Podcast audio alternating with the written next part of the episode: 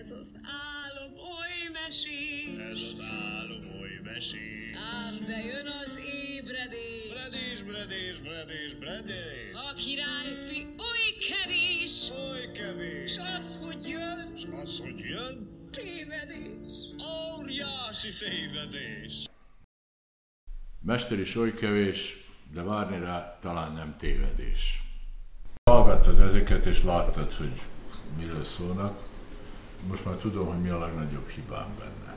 Neked? Nekem. Ugyanúgy, mikor leülnénk a kávéházba beszélgetni, és akkor beszélgetünk, mert ez nem egy riport, ez egy beszélgetés, asztali beszélgetés. De akkor ez mindjárt hozzá is szólnék, vagy reflektálnék. Én pont ezt hiányolom sok területen, sok helyen, hogy ezt az önreflexiót ezt nem végzik el néhányan. Tehát cégeknél is, fiataloknál most nagyon megy ez a történet. Azt teszem észre, hogy a fiataljaink, tehát akár az egyetemisták, akik ide bejönnek, tehát a középiskolás korosztálya sokkal dolgozom, hogy így nem, nem ismerik önmagukat. Tehát olyan szinten hiányzik az a fajta önismereti tudás, hogy ők honnan is jöttem, ki vagyok én, meg egyebek, hogy ez, ez valami hihetetlen. És mint hogyha az önállóságuknak. Szóval fura, egyik oldalról olyan dolgokban önállótlanok, amiben azt gondolna az ember, hogy annak kéne lenni, a többi helyen meg mutatják kifelé egy, egy arcot, hogy ő aztán mennyire. Igen, igen, igen. Egy ilyen képet, amit kellene mutatni, de hát ezt levezethetnénk a Facebookolásra, sok írás, meg tudom, és úgy tűnik, ugye, hogy van 2000-20 ezer ismerősöd, erre mondta annak idején a Winsberg, hogy de ha meghívod hétfőn, hogy mesélj ki a garást, vagy mit tudom, meghívtalak tégedet, hogy gyere, segíts már a lakásnál valamit, az az igazi friend, mert most minden Facebook friendet nem hívhatom, és jó, akkor jövök délbe és segítek neked valamit. Engem az utóbbi időben szörnyen izgat ez a videóbíró. Uh-huh. Na most menjünk bele, hogy a kosárlabda, vagy a futball, vagy csak a futball, ahol sok mindent megváltoztatott ez. Én azt szoktam mondani, hogy engem nem zavar a videóbíró se az úszásba, se az atlétikába, vége a versenynek, és akkor utána baszkodnák vele három napig, hogy most kinyomta be először a falhoz az ujját. De amikor öt percig áll, hogy ő nézi, hogy les volt, vagy nem, vagy a kosárlabdában, hogy kidobta ki, vagy ki nem, az már idegesít, az már ellene van az egésznek. Kezdjük a súlyemeléssel, mondjuk, hogy te ott nagyon otthon vagy. Legyen. Egyáltalán ez az egész technika, most nézed az edzéstől kezdve a versenyzőidet, minden, hol segít neked, és hol van az, hogy esetleg nem segít, vagy egyáltalán használod, nem használod, mit használnak az olimpiai bajnokok, mit használsz te, nekem egy homály. Sejtem, hogy titeket is elkapott ez a technika, de mit jelent ez a technika? Ez azt jelenti, hogy ahol biztosan jól tudom használni, hogy a sportolómmal, miután felveszek egy gyakorlatát, akár csak egy egyszerű videóra, akkor jobban el tudom neki magyarázni rögtön ott, mondjuk akár telefonon, hogy melyik az a szakasz, amiben ő hibázott, illetve a következő súlyra menetelnél mire igyekezzel, hova fókuszálja, hogy hozzá egy mondjuk magasabbra a dobását. Ezáltal az ő felé való megértetést azt segíti, az önmagához való méréseket, amikor a súlyzónak a pályagörbéjét oldalról mérjük, hogy az mit rajzol ki, illetve milyen sebességgel megy, mekkora nyomatékkal, tehát ezek milyen a gyorsulás a súlyzónak, az pedig a pillanatnyi állapotáról, de önmagához mért pillanatnyi állapotáról ad nekem képet. Tehát tudom, hogy ha gyorsabb, meg egyebek, akkor... Na várjál, most azért, pillanat. álljunk meg. Te sok évig bajnok voltál, sok éve edző vagy. Igen, 30 év edzős követ. Tehát elég sok. Tehát eljutottál mesterszintre. Az most kérdés, Szerintem. hogy lesz olimpiai bajnokod, nem lesz. Ez én drukkolok, hogy legyen, de végső esetben erre most nem fontos. Nem is célom. Te azt pontosan úgy lát, hogyha nem lenne videó, és az őseidnek, ugye a súlyemelésben az edzőknek, se a játékosoknak nem volt videó, te ezt látod, te pontosan tudod, hogy melyik mozzanatnál lehet rajta javítani. Igen. Minek neked a videó, hogyha ezt te látod? És fordítva mondom, hogyha most én elindulnék, mit tudom én most nem menjek súlyomés, de mondjuk kosárlabda edzőnek, amit én csináltam, akkor meg azért nem segítene nekem a videó, mert még nem tudom, hogy egy edzőnek mit kell látni, nem ugyanazt kell látni, mint egy játékosnak. Tehát te ezt látod, hogyha most nem lenne videó, és megkérnek, hogy Jani, mutasd meg nekem, hogy ennél a gyakorlatnál mit lehet javítani, te azt ugyanúgy elmondanád videó nélkül, mint videóval, nem? Hát, ez nehéz történet, megmondom miért. Ugye a kosárlabda egy csapatsportág, és viszonylag hosszú történet, tehát egy összetett dolog ilyen szempontból. Nálam egyetlen egy mozdulat gyorsaság van, aminek szakaszai vannak, amit szakaszonként is tanítunk be. És annak a berögződése az olyan, hogy most bejött egy új sportág, ez a CrossFit 8-10 éve Magyarországra, amiben van súlyemelés de nem súlyemelő edzők oktatják, és mi ránézünk egy crossfitternek a gyakorlatára, és tépjük a hogy hoppá. Tehát ez jelentős különbség, tehát a szakaszokat meg tudjuk különböztetni. És amikor lejön egy ilyen sportoló hozzám, aki évekig járt crossfitre, hogy hát rájött, hogy ott azért nem olyan hatékony a dolog, tanítsam meg, akkor nekem a régi berögzült mozgását átírni a jóra, az három év. Míg egy normál nulláról induló embert, hogyha különben az izületi adottságai engedik, értelek, értelek. akkor egy év alatt megtanítom az alapokra.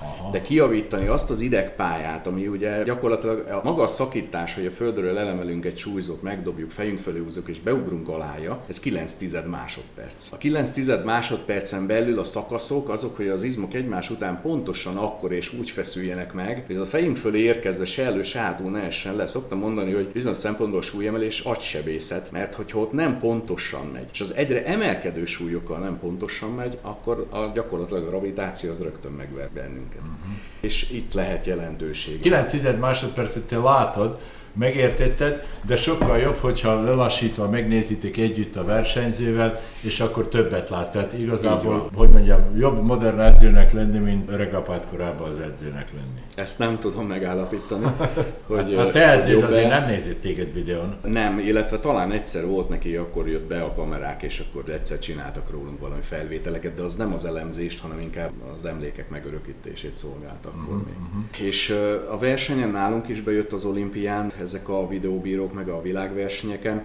az a helyzet, hogy a versenynek a lendületét ugyanúgy, ahogy te látod fociba vagy kosárlabdában, megakasztja.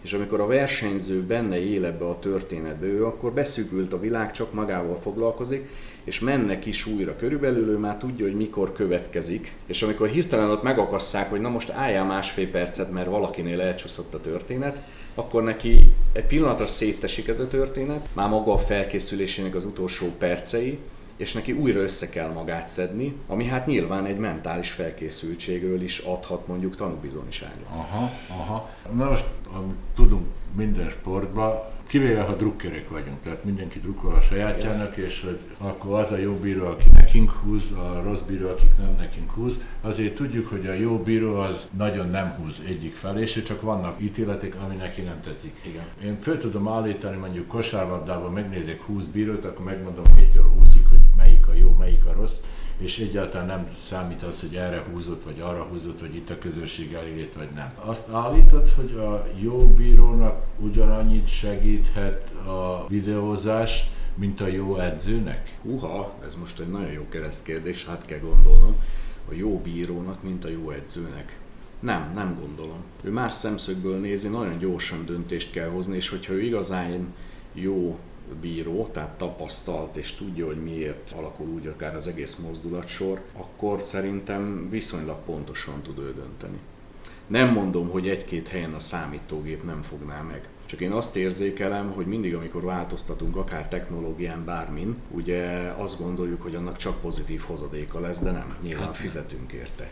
És ezzel az oldalával hétköznapi értelemben sem nagyon akarnak szembesülni az emberek, mindig azt hangsúlyozzák ki, hogyha váltanak, hogy az mennyivel lesz jobb. Lehet, hogy lesznek például a fociba igazságosabb döntések, hogy most az a labda ben volt, nem volt, és majd pénzek mozognak a háttérben, nagyon nem mindegy, hogy az 1-0 nyertünk vagy nem nyertünk, de nem vagyok benne biztos, hogy minden egyes helyen ez a fajta digitálás méregetés, ez meghozza a gyümölcsét. Nem fizetünk-e azzal többet, hogy a sportolónak a lendületét meg esetleg megakasztjuk, amiből azt gondolom, szintén, hogyha matematikailag vagy statisztikailag nézzük, még lehet, hogy sérülés is lehet, mert egyszerűen máshol kalibrálja magát. Tehát fizetünk ezekért is. Mondjuk, hogy az olimpiai bajnokság alatt ritkán nézik súlyemelést. Igen. Ezt sejtett, hogy nem látta a csarnokban egy versenyen, hogy bejöttem és néztem a, a mikor ilyen nagyobb versenyek vannak, hogy világbajnokság, akkor megnézem. És nekem nincsenek olyan emlékeim erről, hogy nagyon gyakran botrányok voltak, hogy a bíró azt mondta, hogy ez téves volt ez a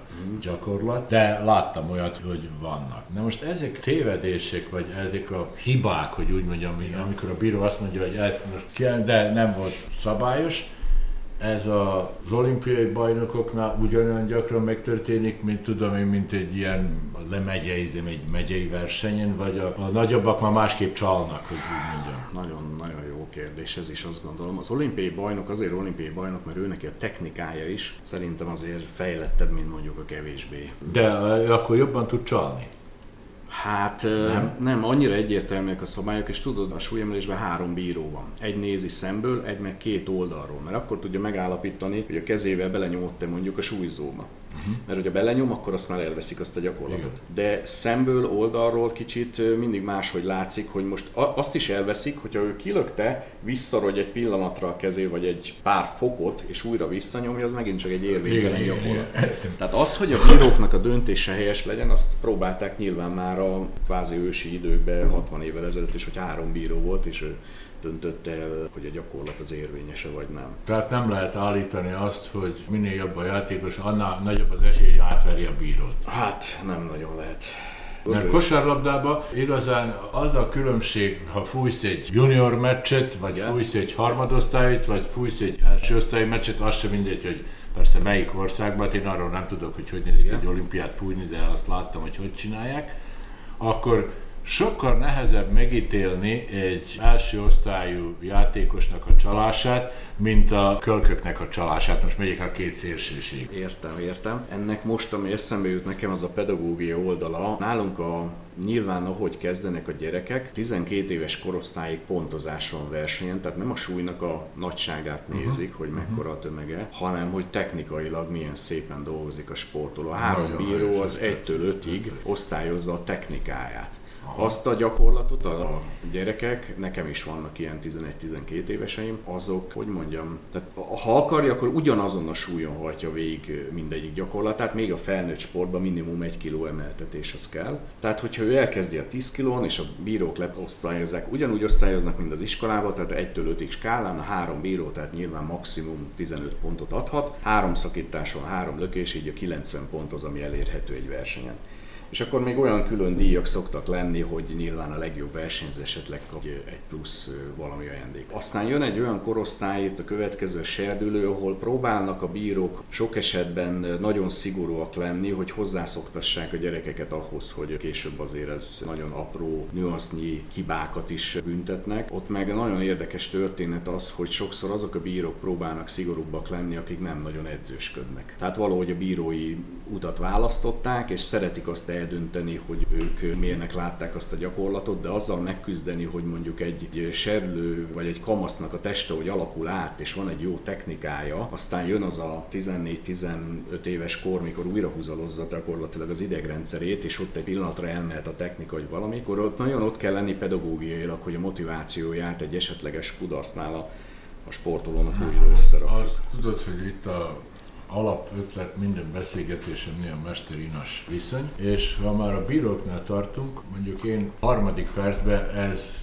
túlzás, a bíró bemelegítésénél megmondom, hogy kosárlabdázott vagy nem. Értem.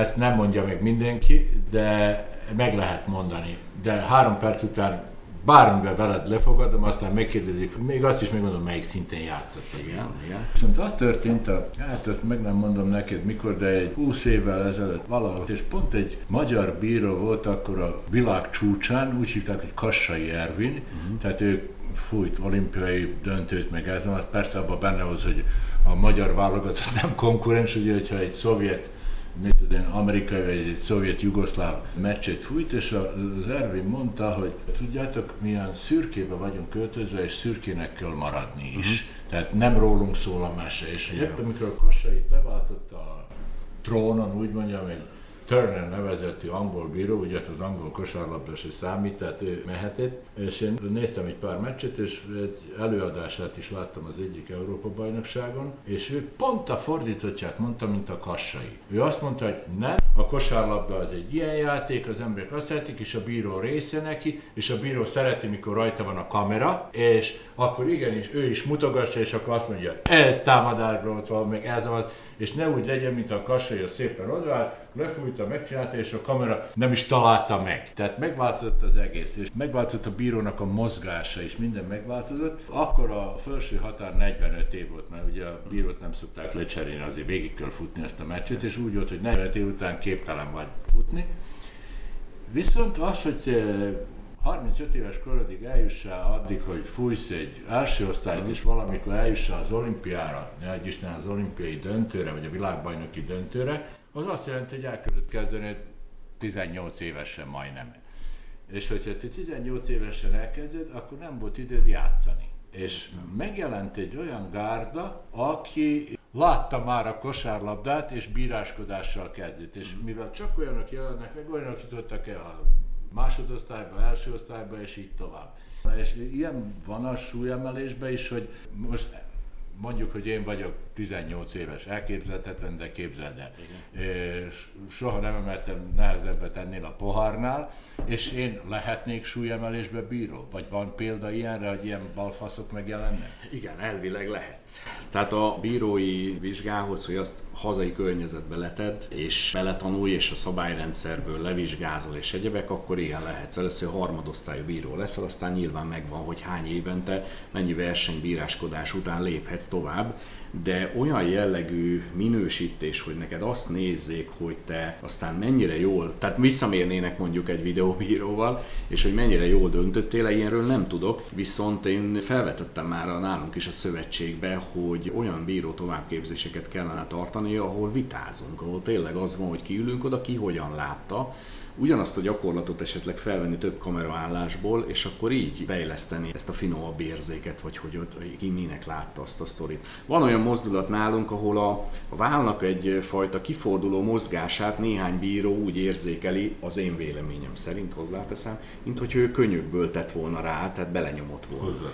És én azt gondolom, hogy lehetnek ilyen szakmai viták, hogy azt beszéljük meg, hogy akkor most ez, ez micsoda. De, az de elvileg az kor, korban nincs. Mindig és ezt így kell csinálni. Én ezt csináltam ilyen bírói tanfolyamot is, de egyszerűen nem érezhető, tehát hogyha ő nem izzadta ki azt, Igen, és ő igen, nem csinálta, igen, és igen. egyáltalán nem állítom, hogy csak országos bajnok súlyemelőből lehet bíró, de azért valamennyit csináljon meg abba, Igen. tehát ne a közönség közül jöjjön be, mert ahogy most mondod, de én nem tudom megismételni, pontosan értem, mit mondasz, de nem tudnám megismételni ezeket a dolgokat, amit mondasz, hogy most könyökből, vagy hozzá, vagy ránk Igen. egyet még, vagy ez az. Tehát ezt valahogy végig kell csinálni, hogy én lássam, hogy te ezt jól csinálod, vagy nem. Persze, persze. Én is ezzel értek egyet. Tehát az, hogy nincsen tapasztalatod, ott szerintem a hitelessége az, az elmegy a történetnek. Csak nem biztos, hogy ugyanott is tudják, mint ahogy nálad a kosárlabdában, hogy ő játszott, vagy csak mondja, hogy játszott. No, Jó, tudom, hogy a te erkölcsi normáid nem engedik meg, hogy ennél tovább kérdezzek a bírókról. Én már kívül vagyok, úgyhogy én mindent mondhatok róluk. És akkor hagyjuk is ezt a témát valahol annyiba, hogy nehéz mesterbírót csinálni, én a lehetetlennek mondanám. Ennek ellenére, ha minden bíró olyan, akkor, hogy mondjam, a verseny tisztességére nem hat ki. Hogyha, ha egy bíró se tudja megcsinálni, megérteni, akkor egyformán hibázik mindenkinél. Fordítanék egyet, te próbáltál egy kicsit kilépni ebből a szerelmedből, ebből a szakmádból, úgy tudom, hogy az egész familiád szerelmes ebből a szakmából, és csináljátok, de te próbáltál egyszer kilépni ez a coaching felé, Igen. és diákom is voltál ott. Így van. Mi zavart ki téged ebből a szakmából, hogy a felé elinduljál? Nem, mi hozott vissza?